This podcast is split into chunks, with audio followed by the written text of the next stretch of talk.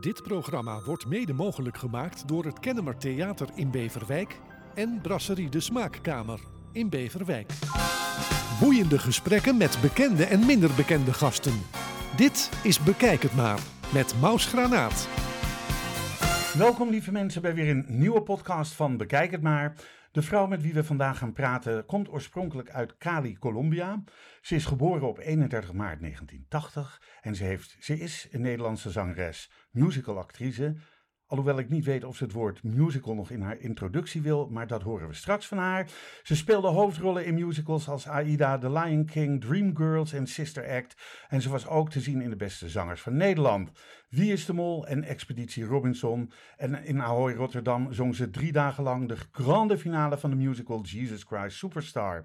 Daarnaast is ze een graag geziene gast en is ook geregeld te zien bij spel- en amusementprogramma's.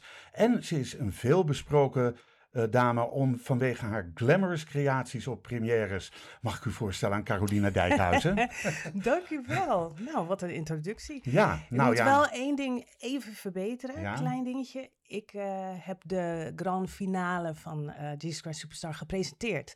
Ik zong het niet. Zei ik niet gepresenteerd, Nee, toch? volgens mij zei je dat Eh, het zong. en presenteerde drie dagen lang de Ja. grand finale van de musical Jesus Christ Superstar. Dat was het, ja. Ja. Eh, nou, super fijn dat je er bent. Dank je en, wel. ehm, eh, het, het was 23, januari, nee, 23 februari 2020. Toen was je bij mij te gast in een radioprogramma. Ja, Ehm, twee weken later bezocht ik in maart eh, jouw show in Zaandam. En nog een week later, toen lag de hele boel stil vanwege Ja. de eerste lockdown. Ehm, ja, hoe, hoe, hoe is dat bij jou gegaan? Hoe heb je dat? Want je was volop aan het toeren en eh, Ja. dan valt het doek voor Sterk- iedereen. Ja, sterker nog, het was het eerste. Jij kwa- jullie kwamen kijken in het allereerste weekend van de tour. Ja, Ehm, en toen waren, gingen er al, weet je, corona speelde natuurlijk al, dus iedereen, we hadden het erover. Maar het voelde nog niet alsof het zo heftig was ja. dat we dachten van nou, het hele land gaat op slot of zo. Dat Nee. hadden we allemaal niet kunnen ik heb het verwachten. nooit, nooit kunnen bedenken. Nee. Nee. nee. En het kwam dus echt wel als een klap dat we gewoon dan de shows moesten cancelen. En toen dacht iedereen nog van, nou ja, hoe lang kan het duren? Over een week. Nou, Twee en dat weken? werd twee jaar. Dus dat werd twee jaar later. Ja. Ja. dat was bizar. Als ik er nu ook op terugdenk, en ik denk dat, het, dat iedereen dat wel heeft, het voelt nog steeds zo onwerkelijk dat dat echt is gebeurd. Dat dat ook omdat we nu weer een soort van draaien en ik bedoel, het is nog niet zoals het eh, daarvoor was. En ik weet ook niet of het ooit nog teruggaat naar hoe, hoe ook onze entertainment daarvoor was. Dat maar... heeft wel een tijd nodig, denk ik. Maar Ja. ik, ik denk wel weer dat dat gaat gebeuren. Ik, eh, ik hoop het. Maar het heeft wel weer, we hebben wel weer even tijd nodig om te herstellen, merk ik ook. Ja. In het theater, maar ook in de clubs. En het is, eh, ja, de wereld werd helemaal anders. We gaan het er straks, eh, kom ik daar volgens mij nog eventjes op terug. Ehm, in een interview in de Volkskrant las ik, ik zeg eerst altijd dat ik uit Colombia kom en daarna pas uit Groningen. En denk ik, why? Ik zeg ook Ah. nooit eerst, ik kom uit Wijk aan Zee. Nee, maar mensen vragen altijd van, waar kom je vandaan? En dan, eh, ja, ik weet niet. Ik zeg dat altijd automatisch uit Colombia. Ja, Ik ben een eh Veendamse, Colombiaanse Veendamse. een Com- Colombiaanse Veendamse. Ja, want Ja. dan kom je van het zonnige Colombia in het, In het eh, koude, kille, gure Groningen. Groningen. Nee, ik heb, eh, ik heb eh, met. Ja, ik, ik heb zulke fijne herinneringen aan het opgroeien in Veendam. En heel veel mensen zullen misschien niet weten waar dit ligt. Veendam ligt op ongeveer een half uurtje van eh, Groningen. Ja. En, Van de stad eh, Groningen, van de stad ja. Groningen. En ehm, ja, ik groeide op. We konden buiten spelen altijd. Ik woonde in een hofje met allemaal kinderen van mijn leeftijd en mijn broers. ehm, ik heb twee oudere broers. Onze altijd. En die zijn in hetzelfde gezin geadopteerd ja, of zijn we dat zijn alle drie adoptieve geadopteerd. Ja, Eh, en eh, we groeiden dus op in een hofje met allemaal mensen van onze eigen leeftijd. We basketbalden, we gingen vissen, we gingen zwemmen in de vijver. We gingen schaatsen op de vijver in de winter met de slee naar school. Fietsen, skateboarden. Ik was altijd buiten, ik was nooit binnen. En dat... Ik woon nu natuurlijk, ik woon al langer in de grote stad, zeg maar, in de, in de Randstad, dan dat ik in Veendam eh, uiteindelijk heb gewoond. En ik, ja, dan kijk ik soms om me heen en dan denk ik, ja, als je opgroeit in de stad, dan heb je dat gewoon minder wat wij hadden in Ja. parken. En gewoon altijd buiten zijn, zo onbezorgd. Wat heerlijk, hè? Ja, Ehm, want ik had ook nog opgeschreven, heb je een fijne jeugd gehad? Dus dat is absoluut waar. Ja, zeker. Ehm, heb, je- heb je ooit, want jullie zijn met drie kinderen Mhm. geadopteerd bij één gezin. Eh, dus, dus je hebt een hele goede band met je broers, ja, met je twee broers. ja. Eh, heb je, heb je, hebben jullie drieën ooit de behoefte gevoeld om op zoek te gaan naar jullie eh, Eh, biologische ouders? Ik heb dat denk ik meer dan mijn broers. Maar we hebben, zijn wel allemaal nieuwsgierig. En het, het erge is dat ik... ik werd in ehm 2020 40. En ik had bedacht, ik, ik vier bijna nooit mijn verjaardag, omdat ik eigenlijk altijd aan het werk ben. En toen dacht ik, maar als ik 40 word, dan ga ik één enorm feest geven. Ja. En dan. Eh, ik ik weet doe- dat je dat verteld hebt. Ja. Ik- en, Ivo, was ook- Ivo zou dat, Ja, dat heel- zou dat organiseren Ja, het was voor een deel. helemaal gepland. Het was helemaal fantastisch. Oh, Perfecte locatie. En echt twee weken voor mijn verjaardag gingen Oh. we in lockdown. Ja, En nou heb ik uiteindelijk wel een fantastische verjaardag gehad. Een van de leukste verjaardagen ever, omdat ja, iedereen is thuis. Dus Ja. iedereen stuurde kaarten, brieven, belde. Dat was helemaal fantastisch. Maar het, het idee was om dan op mijn veertigste, twee maanden daarna, naar Colombia te gaan voor de allereerste keer. ja. En, En, dat, is ook niet... nee, nee. dat viel helemaal in duigen. Ehm, maar wil je, eh, ga je, wil je dan samen met je broers naar Colombia? Eh, of wil je het alleen gaan Nou, doen? in principe wilden we als familie met elkaar gaan, maar dat wordt door schema's en dingen steeds moeilijker. Dus ik denk dat ik nu gewoon zelf ga.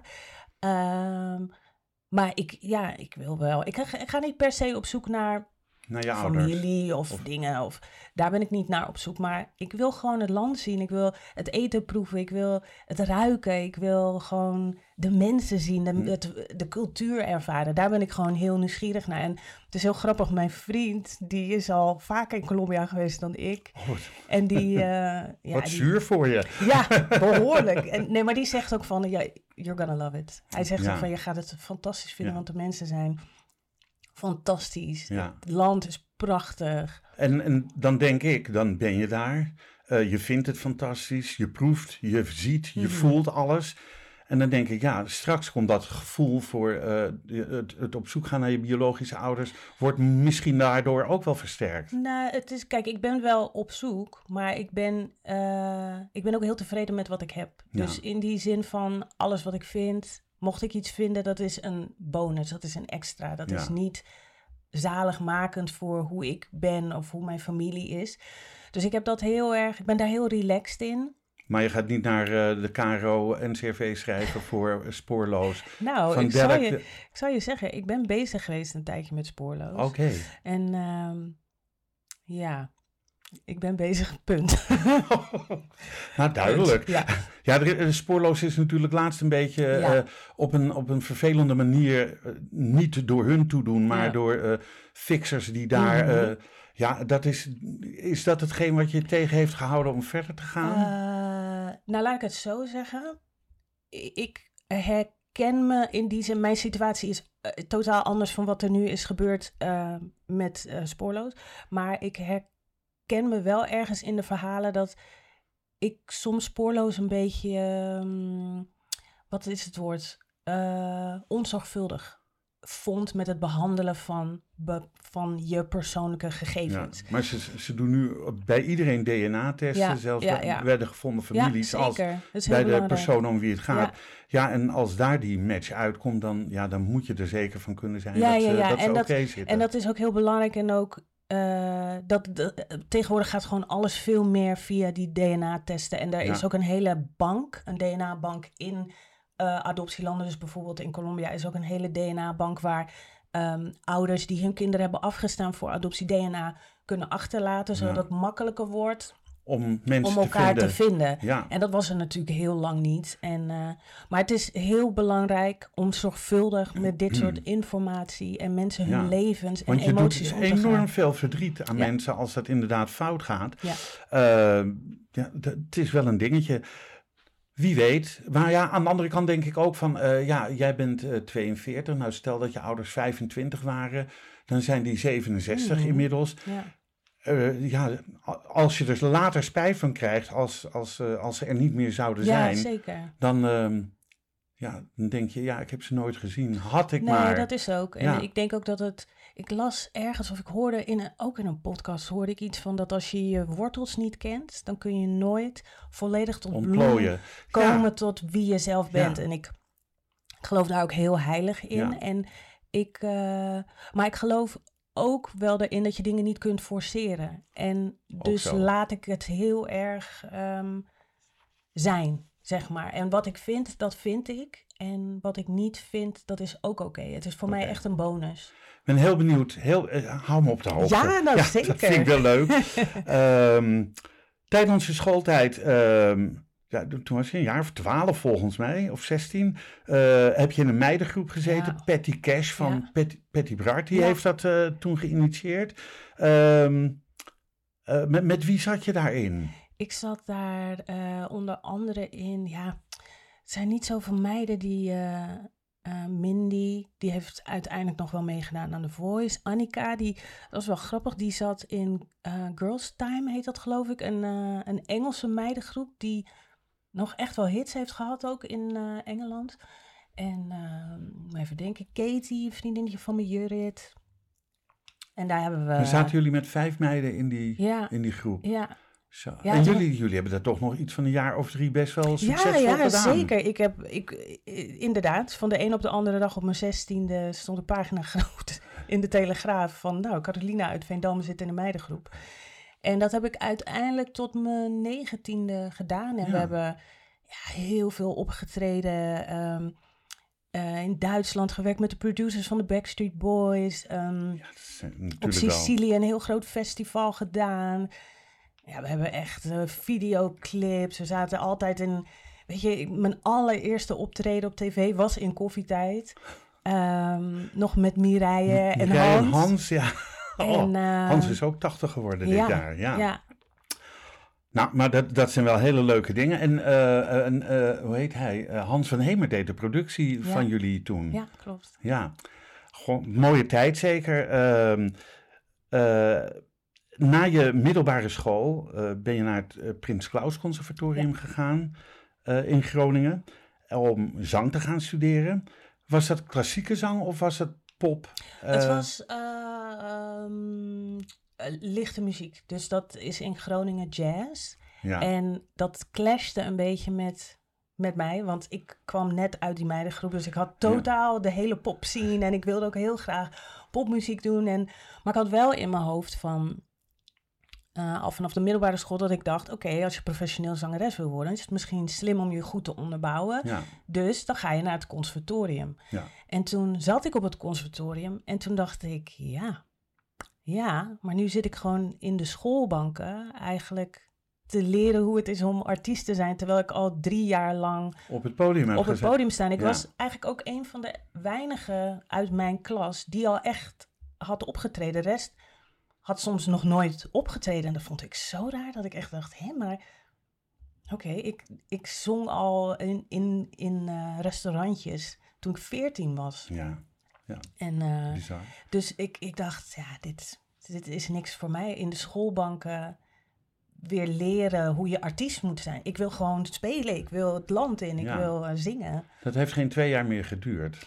Nou, het heeft sterker nog geen zes maanden geduurd. Oh, geen zes maanden. Oh, ik zat al met AIDA in mijn hoofd. Maar Ja, want eh, een van mijn docenten was Floor van Zutphen. En Ja, Floor is ook een eh, eh, zangres, eh, ja. eh, zangdocent. zangdocent. Ja. En ze was ook een van de achtergrondzangeres van Herman Brood. Oh ja. En zij was degene die tegen mij zei, want toen ehm, werd ik gevraagd voor die audities van AIDA. En toen zei ik tegen haar, ja, ik weet niet, moet ik dit doen? Toen zei ze, Kado, jij moet het vak in. Het is, jij moet niet in de schoolbanken zitten. Jij bent al, jij bent gewoon al artiest. Jij Toen moet was de gewoon beslissing lekker, genomen ja. al eigenlijk. En ik dacht van, nou, ja, wat heb ik te verliezen? Eigenlijk niks. Ik had op dat moment een platencontract gekregen, een solo-contract. Oké.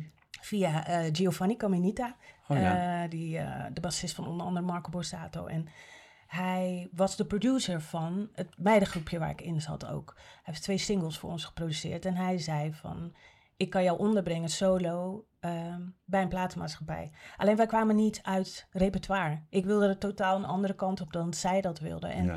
ze kwam AIDA. Maar ja, dan zien ze waar jij succes mee hebt en dan willen ze in dat Ja, genre en ik, door ik natuurlijk. wilde toch echt iets anders. En toen kwam AIDA en toen zei eh, Dennis Erhard, een vriend van mij toen destijds en nu al heel lang mijn manager, die Ja. zei van, Karel, ga gewoon die auditie doen, luister naar Floor. Wat heb je te verliezen? ja, Nou, en dat heb je gedaan. en dat heb ik gedaan. En Samen met Chaira Borderslee Ja. en eh, Filippo. hoe heet? Leona. Eh, Le- Leona Filippo. Chaira is het uiteindelijk Ja. geworden en jullie waren de twee vaste vervangers. Ja, alternates, ja. alternates.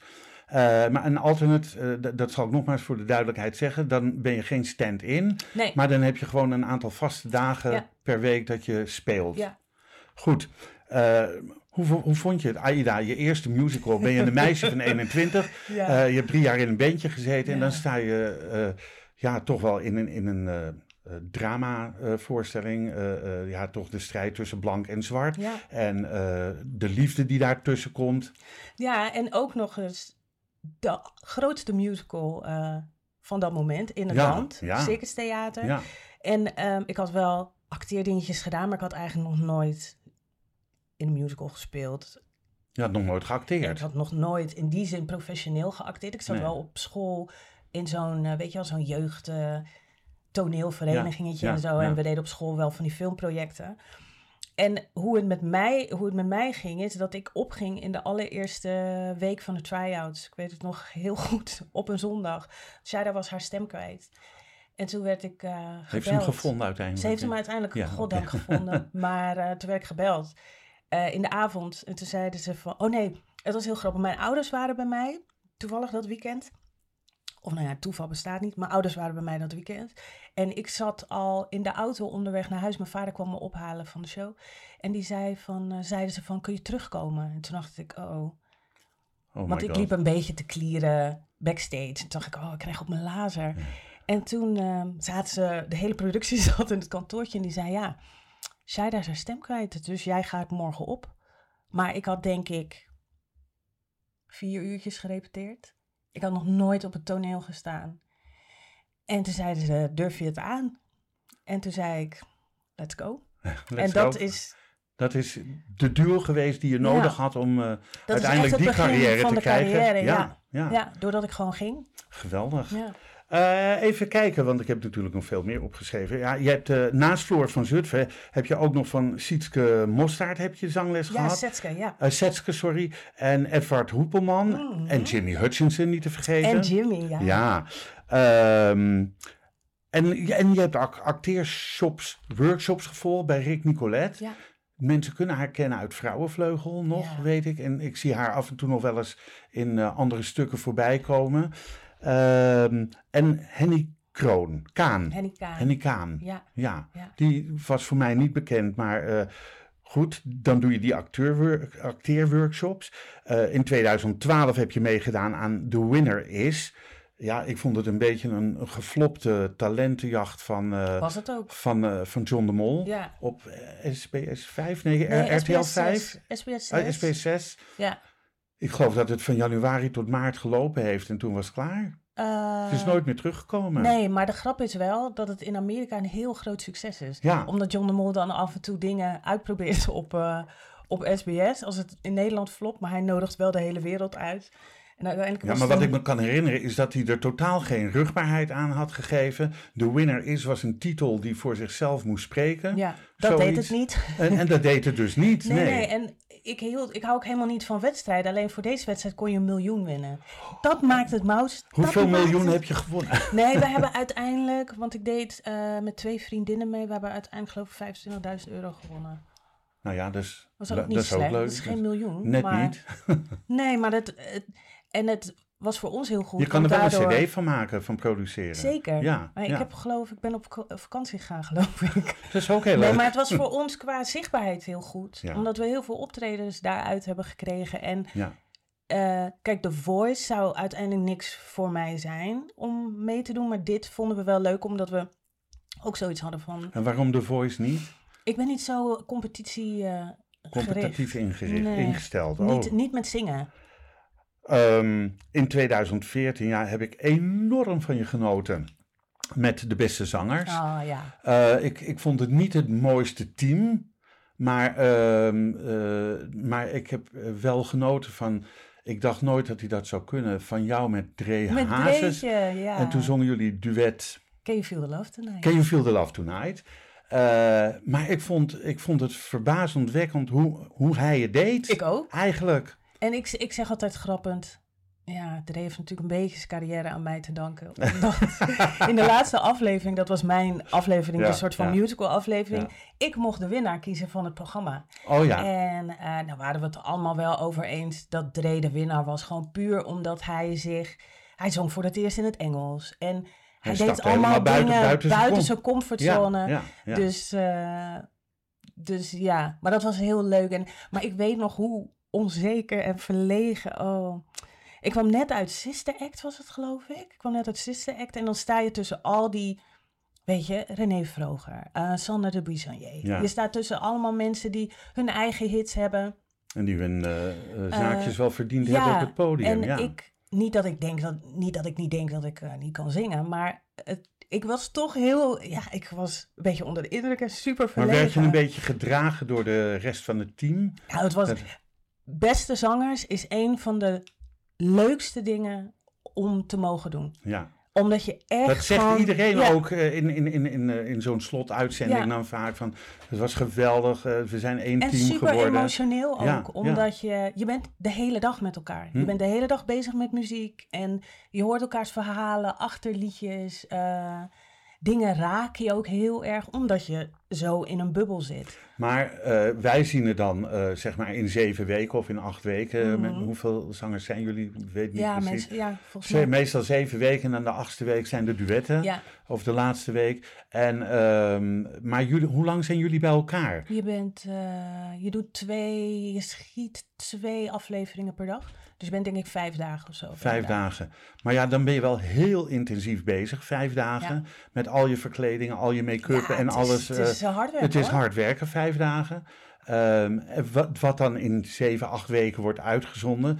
Dus als kijker maak je die binding niet Ja, mee. ja. En, eh, maar zie je wel de emotie. En wordt er ook wel eens gekscherend over. Ja, er moet altijd gejang worden in de beste zangers. Ik zie het wel als echt. Eh, Nee, maar het, het is ook echt. En ik Ja, snap dat dat, mensen ook, ook, ja. denken soms van, oh, gaan ze nou weer huilen? Maar je moet ook niet vergeten, muziek is emotie. Ja. Muziek is eh, herinneringen. Muziek brengt dingen naar boven. En, maar ik, ik snap dat mensen af en toe denken, oh, daar gaan ze weer. Ja. Maar we zitten natuurlijk zo op elkaar. Heb je ze gevolgd, alle beste zangers? Nee, niet allemaal. Maar Oh. dat heeft, ik kijk meer soms losse dingen terug. Of ik kijk het terug, omdat ik heel vaak gewoon zelf eh, moet Ja. werken. En ook heel vaak heb ik zoiets van, dan spreken de zangers aan zich mij niet heel erg aan. Maar dan lees ik iets of zo online van mensen die zeggen, oh, je moet, dit was zo'n fantastisch ja, optreden. En dan kijk ik Dan ga je het even, terug. terugkijken. Ehm, ik had nog nooit van Floor Jansen gehoord. Oh ja, ja. En eh, hij, zij met Henk Poort. Met Henk, ja. Mijn god, wat, die, die die trokken elkaar zo. Maar haar strot. En weet je wat ik zo leuk vind? Omdat, kijk, wij kennen Henk natuurlijk. Ik ken Henk ook al, nou, 20 jaar, of zo. Ja, En dan zie je Henk bij. eh, Henk en ik zaten ook samen in eh, Expeditie Robinson. En Oh. dan zie je Henk bij de beste zangers. En dan. Ik vind dat zo leuk, omdat ik denk: Henk is zo'n fantastische, leuke, lieve man. Zo'n Ja. leuke collega, maar ook zo'n fantastische zanger. mhm, Dat hij nu eindelijk dat platform krijgt. ja. Met een, kla- een klassiek persoon, hè? Ja, ja, dus ja, niet pop, maar echt klassiek. En dat, eh, dat duet van de Phantom echt over de miljoen keer gestreamd is. Ja. Fantastisch. Dat is te gek. maar dat is leuk dat zo'n programma dat bewerkstelligt. Mhm. Ja. Ehm, even kijken. Maar je zat ook in eh, Wie is de Mol? ja. Eh, en Expeditie Robinson, de naam viel net al. Hoe heb je de Mol en Expeditie Robinson ervaren? ik vond Wie is de Mol een van de leukste dingen om te Dat doen. geloof ik. En Ja. Expeditie vond ik een van de afschuwelijkste dingen Dat geloof te ik doen. ook.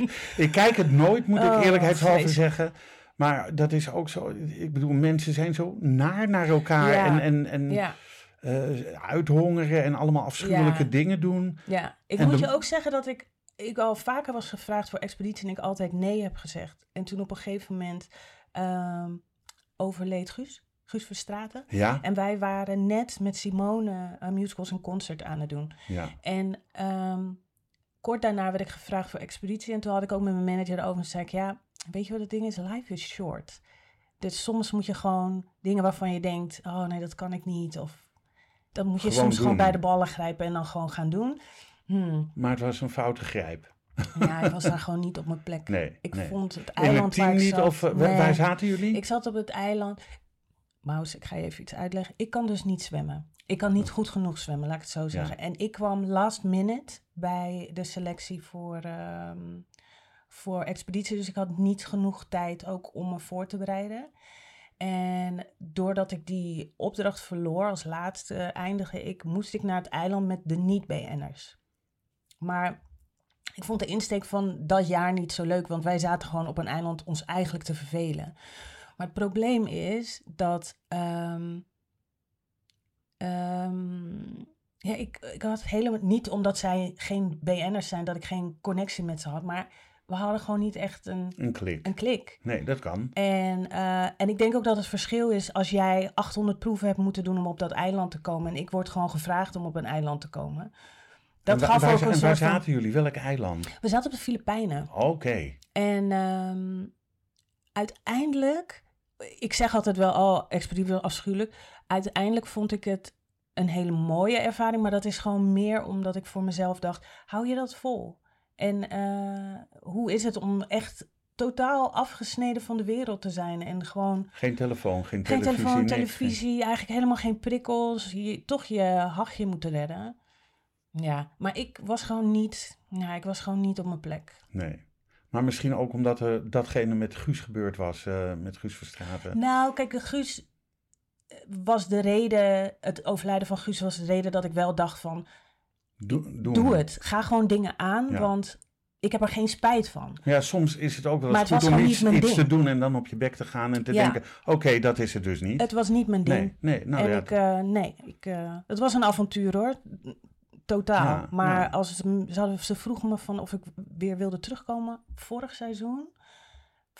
Van, de mensen die al mee hadden gedaan. En toen zei ik, nou, dat gaan we niet doen. Nee. Oké. Nee, nee, nee. Ehm, in mijn introductie zei ik ook dat je drie dagen lang de presentatie hebt Mhm. gedaan van eh, de slotfase van Ja. Jesus Christ Superstar met Ted Neely. Met Ted Neely. Heb je nog met hem gezongen?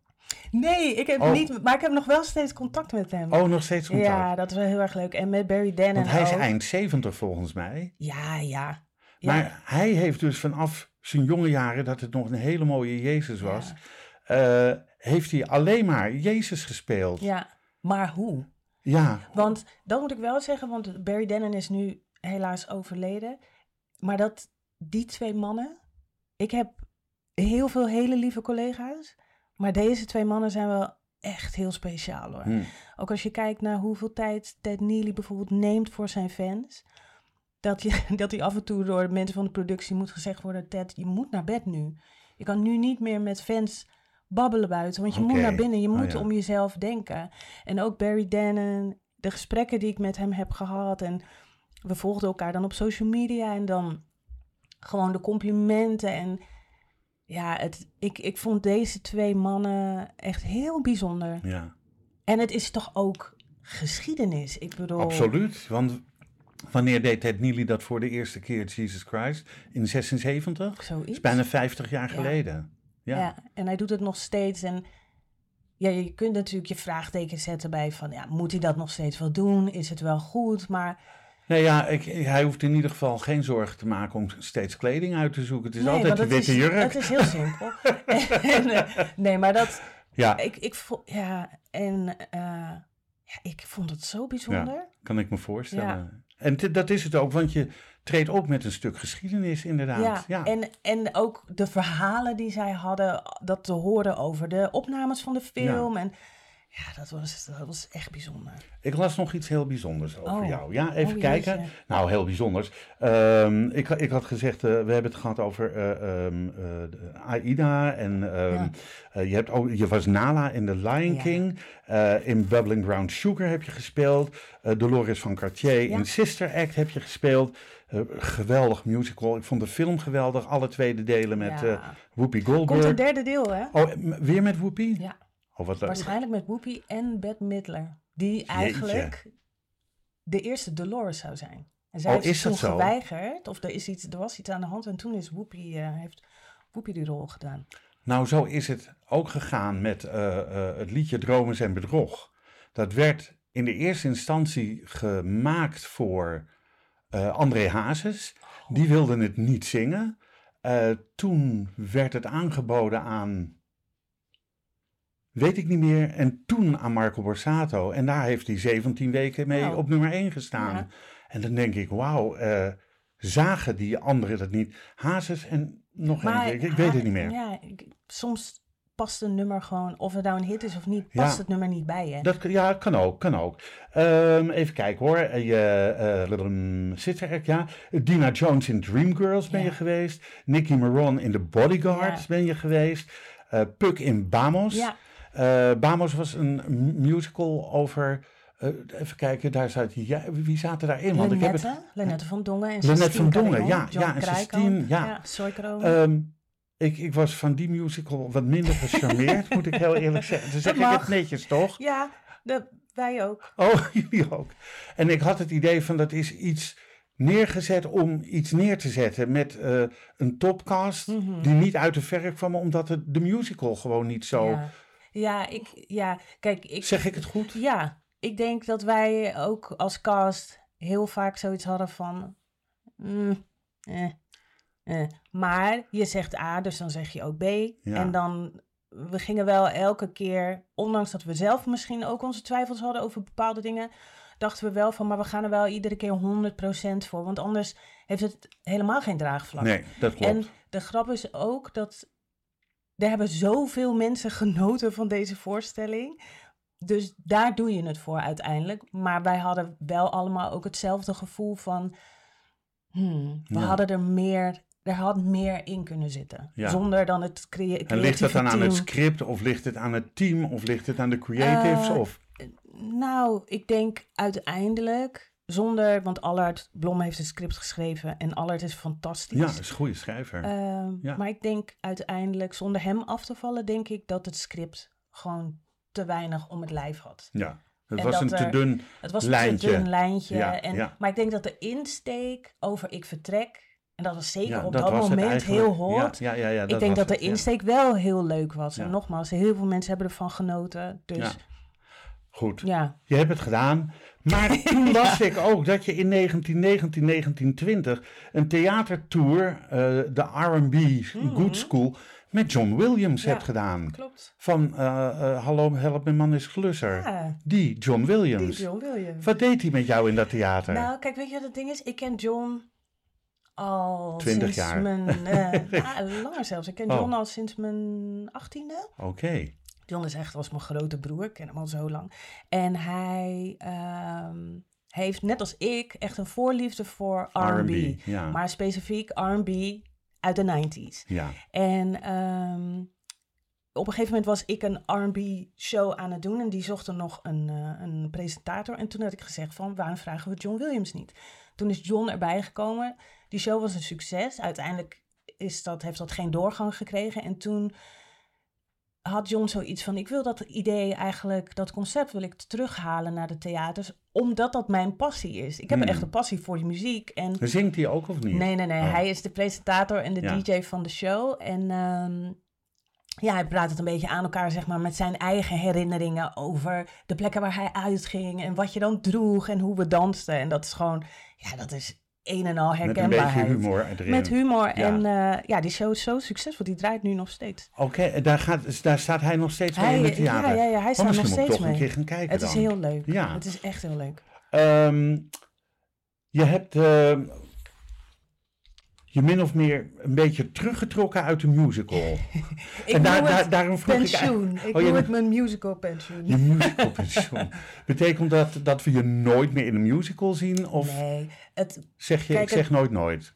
zeg nooit nooit. Het ding was een beetje waar ik tegenaan liep, is dat ik graag andere projecten ook wilde doen, maar dat ik steeds terug hoorde van, ja, maar ja, zij staat natuurlijk in musicals, dus zij is nooit beschikbaar. Of ja, Maar ja, zij is een, een musical zangeres Ja. of een musical actrice. Je wilde niet dat stigma hebben. Nou, kijk, ik vind dat sowieso in Nederland, musical wordt zo onderschat. En elke keer als iemand zegt je bent een musical zangeres of een musical actrice, houdt het dan in dat ik geen normale zangeres ben? Of geen, weet je wel, dat Ja. mensen Het hokje, daar het heb je hokje. een hekel aan. En ja, terwijl ik denk, en ook heb bewezen, ja, van Tina. Turner kun je ook niet zeggen van eh, ze is een, een, eh, een musical zangeres, want ze is een rockster. Ja, precies. Maar ik denk, wat mensen misschien niet weten, is dat ik eh, naast musical ook nog heel veel andere dingen doe. Mhm. Alleen musical is waar de meeste mensen mij van kennen. Ja, ja. En toen dacht ik,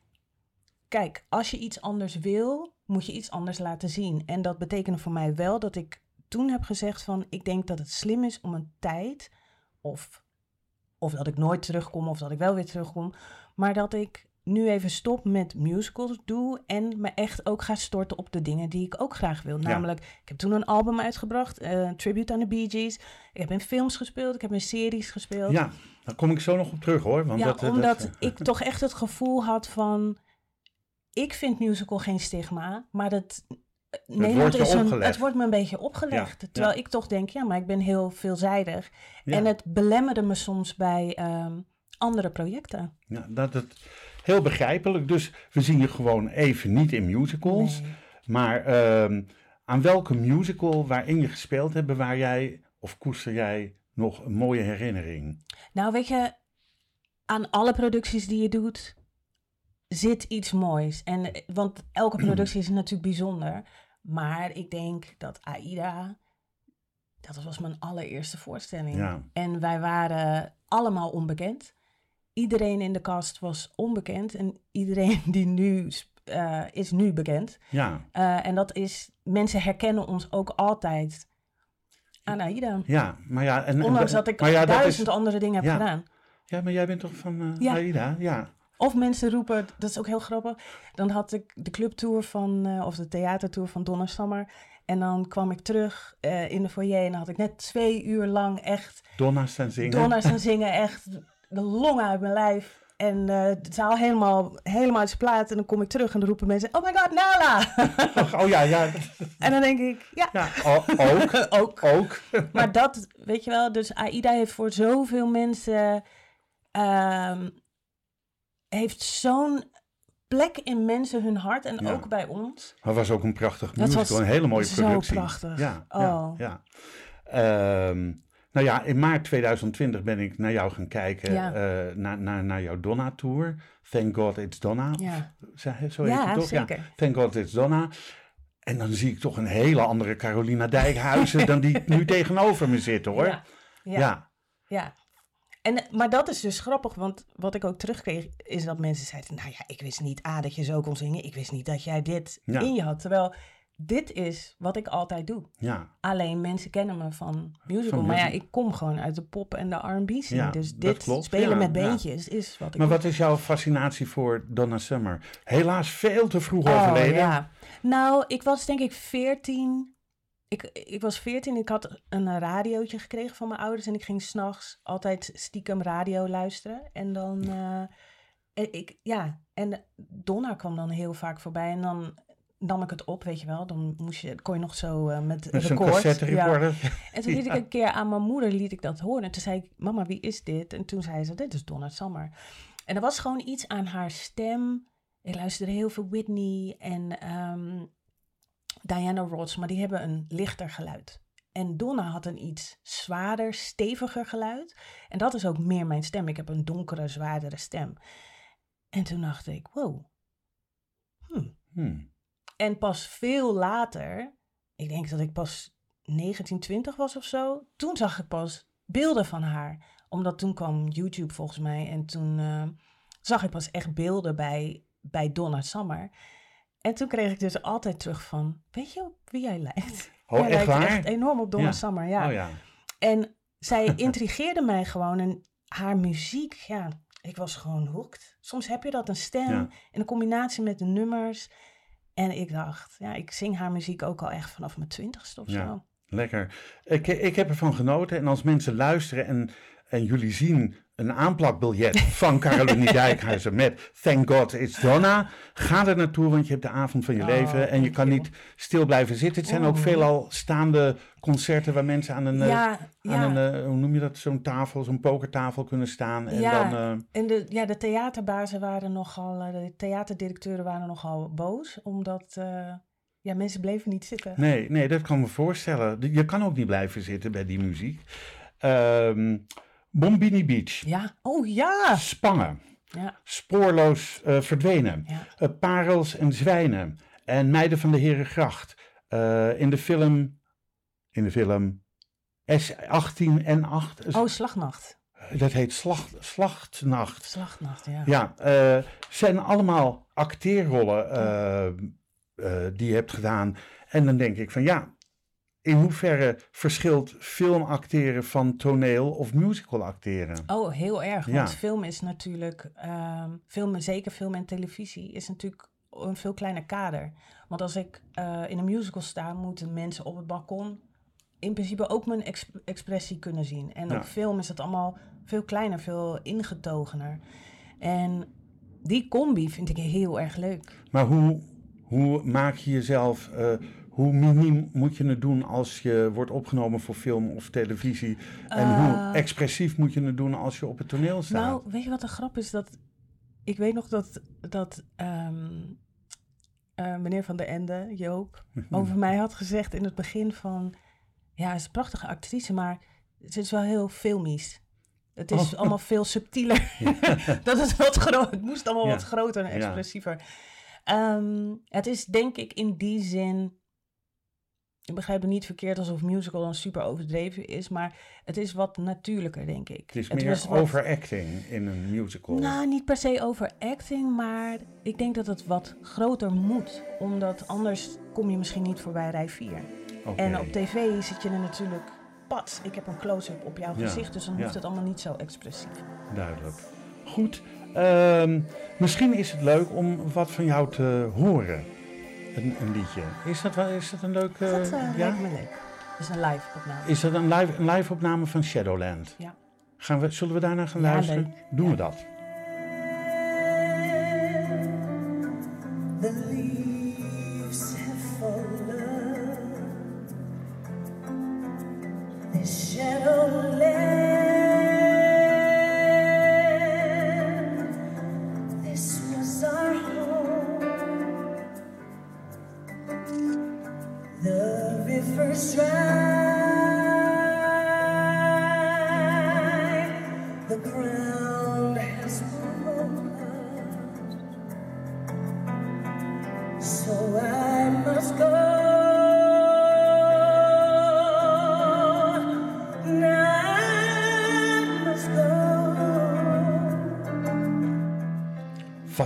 Fantastisch nummer. Goed hè? Jeetje, Oh. Mina. Nou ja, goed, als mensen dit horen, ze moeten gewoon naar, naar, jouw show komen kijken. Toch? Dat, dat lijkt me hartstikke leuk. Ehm, goed, ik ga eventjes door. In 2021 eh, was je te zien in de tv-series De Sled van 6 VWO. Een soort of eindmusical. En ik denk in 21 was je 41. Eh, hoe Ik was niet overigens de Nee, nee. van zes. Hoor je mij dat zeggen? Nee? Nee, nee, maar dat, dat- ik heb dat veel voorbij horen komen. Dat mensen Oh. vroegen, ben jij dan, maar je bent 41, ben jij dan de sled van? Nee, nee, nee, nee, niet te zeggen. Maar je hebt er wel in. in- ja, Oeh. d- het heet toevallig zo. Ehm, Deep Shit Ja, heb je gedaan. En in 22 nog de bioscoopfilm Zwanger en Co. ja. Ik heb hem nooit gezien. Hij Ik is heb, heel leuk. is hij leuk? Ja, hij Met wie speel je daarin? onder andere. Lieke van Lexmond, Waldemar Torenstra, eh, Tom Hofman, Maaike Martens, Oh, Bippie. Melissen, Wauw. eh Bo Martens. Ja, Nou, wat een, eh, wat een topcast. ja zeker. Dus het is een aanrader om die... eh, draait Ja, hij nog in de bioscoop? Hij draait niet meer in de bioscoop. Hij staat nu geloof ik op Pathé, Pathé thuis. Ja?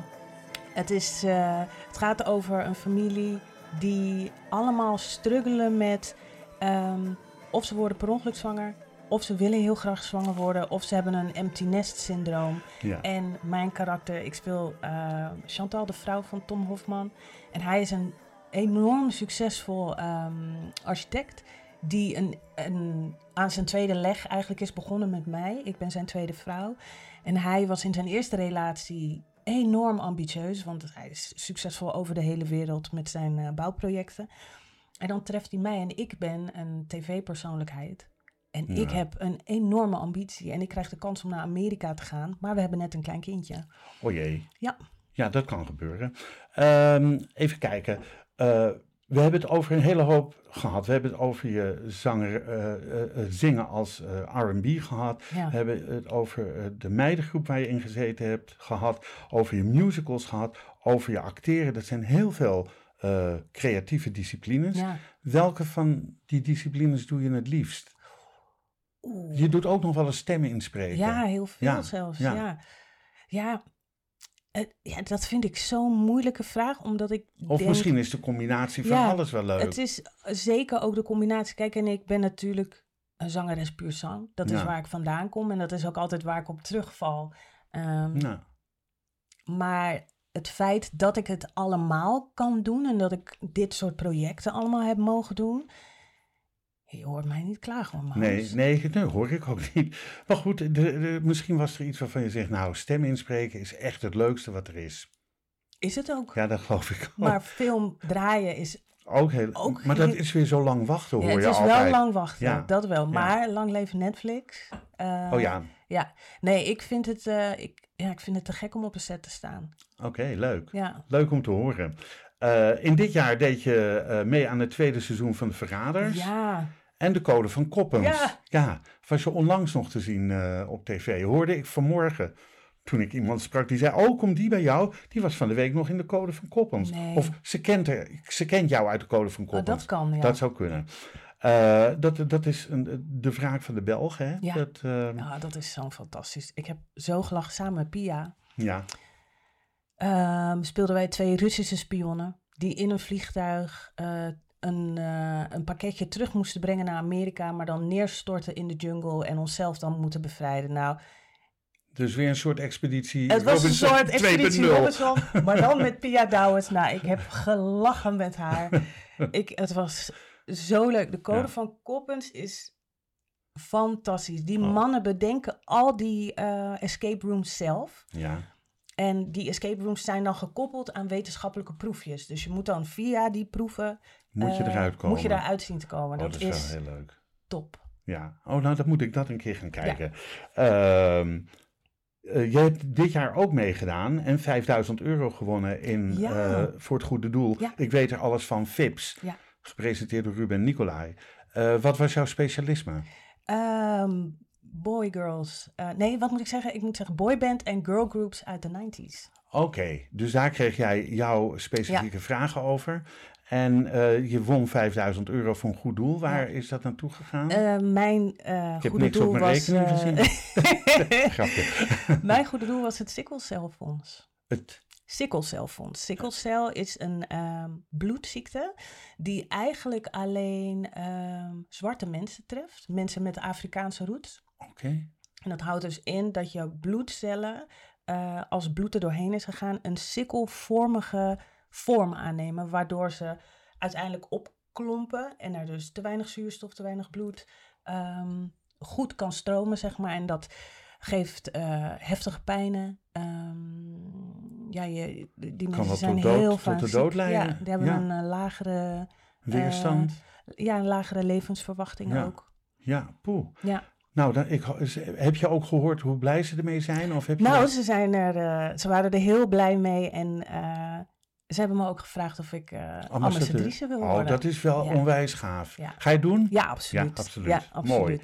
Ehm, je sprak de stem in van Maddie in de avonturenfilm Sonic of the, He- of the Ja, Hedgehog. Sonic the Hedgehog, ja. Ja. hoe klinkt die Maddie? Of nou, Maddie? ze klinkt Maddie. Ze klinkt eigenlijk gewoon zoals ik altijd klink. Ik heb een paar... ehm, ik doe bijvoorbeeld de baby, een van de baby's, Suzy Karreman in eh Rugrats, Ratje Toe. Ja, En eh, die klinkt een beetje zo. En, maar heel vaak gebruik ik gewoon eigenlijk mijn, je eigen stem. mijn eigen stem. Ja. Ja. Word je er wel eens door herkend als mensen je horen praten? Dat ze, Hé, ik, hoor, ik hoor Maddie of zo. Ja, heel Ja. vaak, want dan zitten mensen in de bioscoop met hun kinderen en dan krijg ik van die screen eh, zo van, Caro, ben jij dit? Of als ze tv zitten te kijken. En ik post ook heel vaak de stemmen die ik doe. En dan zeggen mensen, nou, mijn kind kijkt altijd naar jou, maar ik wist niet dat jij dat was. Dat vind ik heel leuk. Leuk, ja. leuk. Eh, hoe ziet jouw leven eruit over vijf jaar? Oeh. Ehm, nou, over vijf jaar. Ik, eh, ik hoop dat mijn vriend en ik over vijf jaar kindjes hebben. En, eh, maar ik hoop ook gewoon dat ik over vijf jaar nog steeds doe wat ik leuk vind. En dan. Dus ik hoop dat ik veel speel, sowieso. En, eh, maar ik ben ook heel erg bezig met eh, begeleiden van jongeren, jonge artiesten Mhm. Daar ligt mijn passie ook wel. Management zou ik heel erg leuk vinden om te doen. Management voor theater. Voor artiesten. artiesten. Oh, Ja. als, zelf als manager. Ja, eh, om eh, jonge artiesten te begeleiden in hun carrière, Ja. eh, workshops geven. Dat doe ik nu ook wel, auditietrainingen en zo. Maar ik zou dat wel wat meer willen uitbreiden, denk ik. Wat zou jij jongeren die deze podcast horen, al die duizenden jongeren, willen meegeven als, als ze een vlammetje in zich voelen branden van ik wil die kant ook op? Ehm, nou, wat ik denk ik mensen zou meegeven is dat je niet moet opgeven. Omdat ik denk dat heel vaak, zeker in de entertainment, wordt gezegd: ja, maar zoek nou een gewoon beroep of Mhm. vastigheid. Maar als dit je passie is, dan is dat, dan is dat je vlam, dan is dat je drive. Ja. En ik denk, eh, zeker in deze tijd met Instagram, het is hard werken. Het wordt je niet gegeven. Je kan meedoen aan The Voice en dan kan je 10.000, 20.000 volgers hebben. Maar vervolgens sta je gewoon in het vak alleen. En je moet hard werken en verzamel goede mensen om je heen. Mensen die je adviseren, mensen Met de die nadruk op goed. met Ja. de nadruk op goed. Ja. Mensen die Ja. ehm, verstand hebben van wat ze doen. Mensen die jou kunnen supporten, die je kunnen steunen. Hm. Je ziet zoveel artiesten nu ook. Kijk naar wat er gebeurt met, eh, met Dre, met Hazes. Ja, Ehm, zoveel profiteurs. heel Zijn veel, er. Ja, ja. Ehm, je doet nu nog eh, de tour eh, Donna. Thank God It's Donna. Nee, Of is die- is die nu eh, helemaal af? Die is gecanceld. Omdat? Corona. Dus de produ- producent heeft besloten de Oh, stekker daaruit te trekken. Oké. Eh, maar ik ga wel zelf, ehm, ik, ga natuurlijk, ik ga natuurlijk wel Ja. zelf verder met Ja, Donna, absoluut. Oké, ja. maar wat, wat, wat zijn jouw plannen voor de toekomst nu? Op dit moment? wat doe je op dit Ehm, moment en wat ga je Nou, doen? op dit moment zit ik in de voorstelling We hadden liefde, we hadden wapens. Dat gaat over eh, het levensverhaal van Robert F. Williams en zijn vrouw Mabel. Ik speel Mabel in het verhaal. En hij is een eh burgerrechtenactivist in de jaren 50, 60 in ehm, Monroe, North Carolina. Ja? En hij was eigenlijk de allereerste persoon die ehm, besloot om zichzelf te bewapenen tegen het geweld van de Ku Klux Klan. Dus hij was degene die ook het, de mensen van Monroe opriep om zichzelf te verdedigen Heftig? en wapens te pakken. En hij schreef het boek Negroes with Guns. En uiteindelijk werd hij een soort enemy of the state en moest hij met zijn gezin eh, vluchten naar Cuba en uiteindelijk China. En dus hij eh, leeft in ballingschap. ja, hij heeft een hele lange tijd in ballingschap geleefd. Ja, En eh, de grap is, ik kende zijn verhaal ook niet, maar hij staat eigenlijk precies tussen Martin Luther King en de Black Panthers in. En ehm, het is echt een heel interessant verhaal. Eh, ook over die tijdsgeest van, van die tijd. Precies de de, jaren 50, segregatie 60. ja. met eh, spoken word, hip-hop, eh, muziek van Nina Simone, Billie Holiday. Oh, wauw, ja. Het is een hele Wel een indrukwekkende... beetje in jouw straatje. Ja, Ja. ja. heel erg. En Ja. het is een hele mooie, rauwe, eh, soms heftige, confronterende, Voorstelling. prachtige voorstelling. Ja. Nog te zien in het hele land Nog te zien in het hele land tot, tot 3 december. oeps, niet zo lang meer. Nee, dan, dat is nog maar een paar De mensen die dit horen, die kunnen er niet meer naartoe. Die kunnen er niet Nee. meer naartoe. Nee. Oké, maar dan was het een hele Het mooie, een hele- ja. indrukwekkende voorstelling. Ehm, zijn er dingen die je nog wil toevoegen aan dit interview? Of waarvan je zegt, Maus, ik wil dat ook nog even kwijt? Nou, we hebben zoveel, eh, We hebben veel gedaan, we hebben hè? veel gedaan. Ja. Ik bijna denk, wat kan ik in godsnaam nog... eh, Nee, nou ja, inderdaad, wat je zegt, ik doe dan Thank God It's Donna niet meer, maar ik ga wel nog zeker door met eh, Donna Summer. Dus hou dat alsjeblieft in de gaten en kom Ja. dan lekker een Je hebt een website, kijken. toch? Waar mensen dat op Ja, kunnen zeker zien. en ook op mijn Instagram. En ehm, als, ja, ik ga hele leuke dingen doen volgend jaar. Ik mag het nog niet zeggen. Nou ja, nee, als je A zegt, zeg je B. Zeg Nee, dan in ik- ieder geval een halve B. Ik, ehm, ik ga Het, hele- Dit is pas in januari, hè? In, dat eh, weet in- ik, maar ik weet nog niet of het dan al bekend is. Dus ik, Oh. ehm, ja, ik ga, Je gaat hele leuke dingen hele doen. leuke dingen doen Hou jaar. Carolina Dijkhuizen in de gaten. Lieve Carolina, ik wil je enorm bedanken voor dit Dank je interview. wel. Je heel veel succes wensen Ja, voor de je. toekomst. Eh, deze podcast wordt uitgegeven door de Vrijstaat Roots. Alles is na te lezen op www.bekijkhetmaar.com. Dank voor het luisteren en wat mij betreft graag tot de volgende podcast. Dit programma werd mede mogelijk gemaakt door het Kennemer Theater in Beverwijk en Brasserie de Smaakkamer in Beverwijk.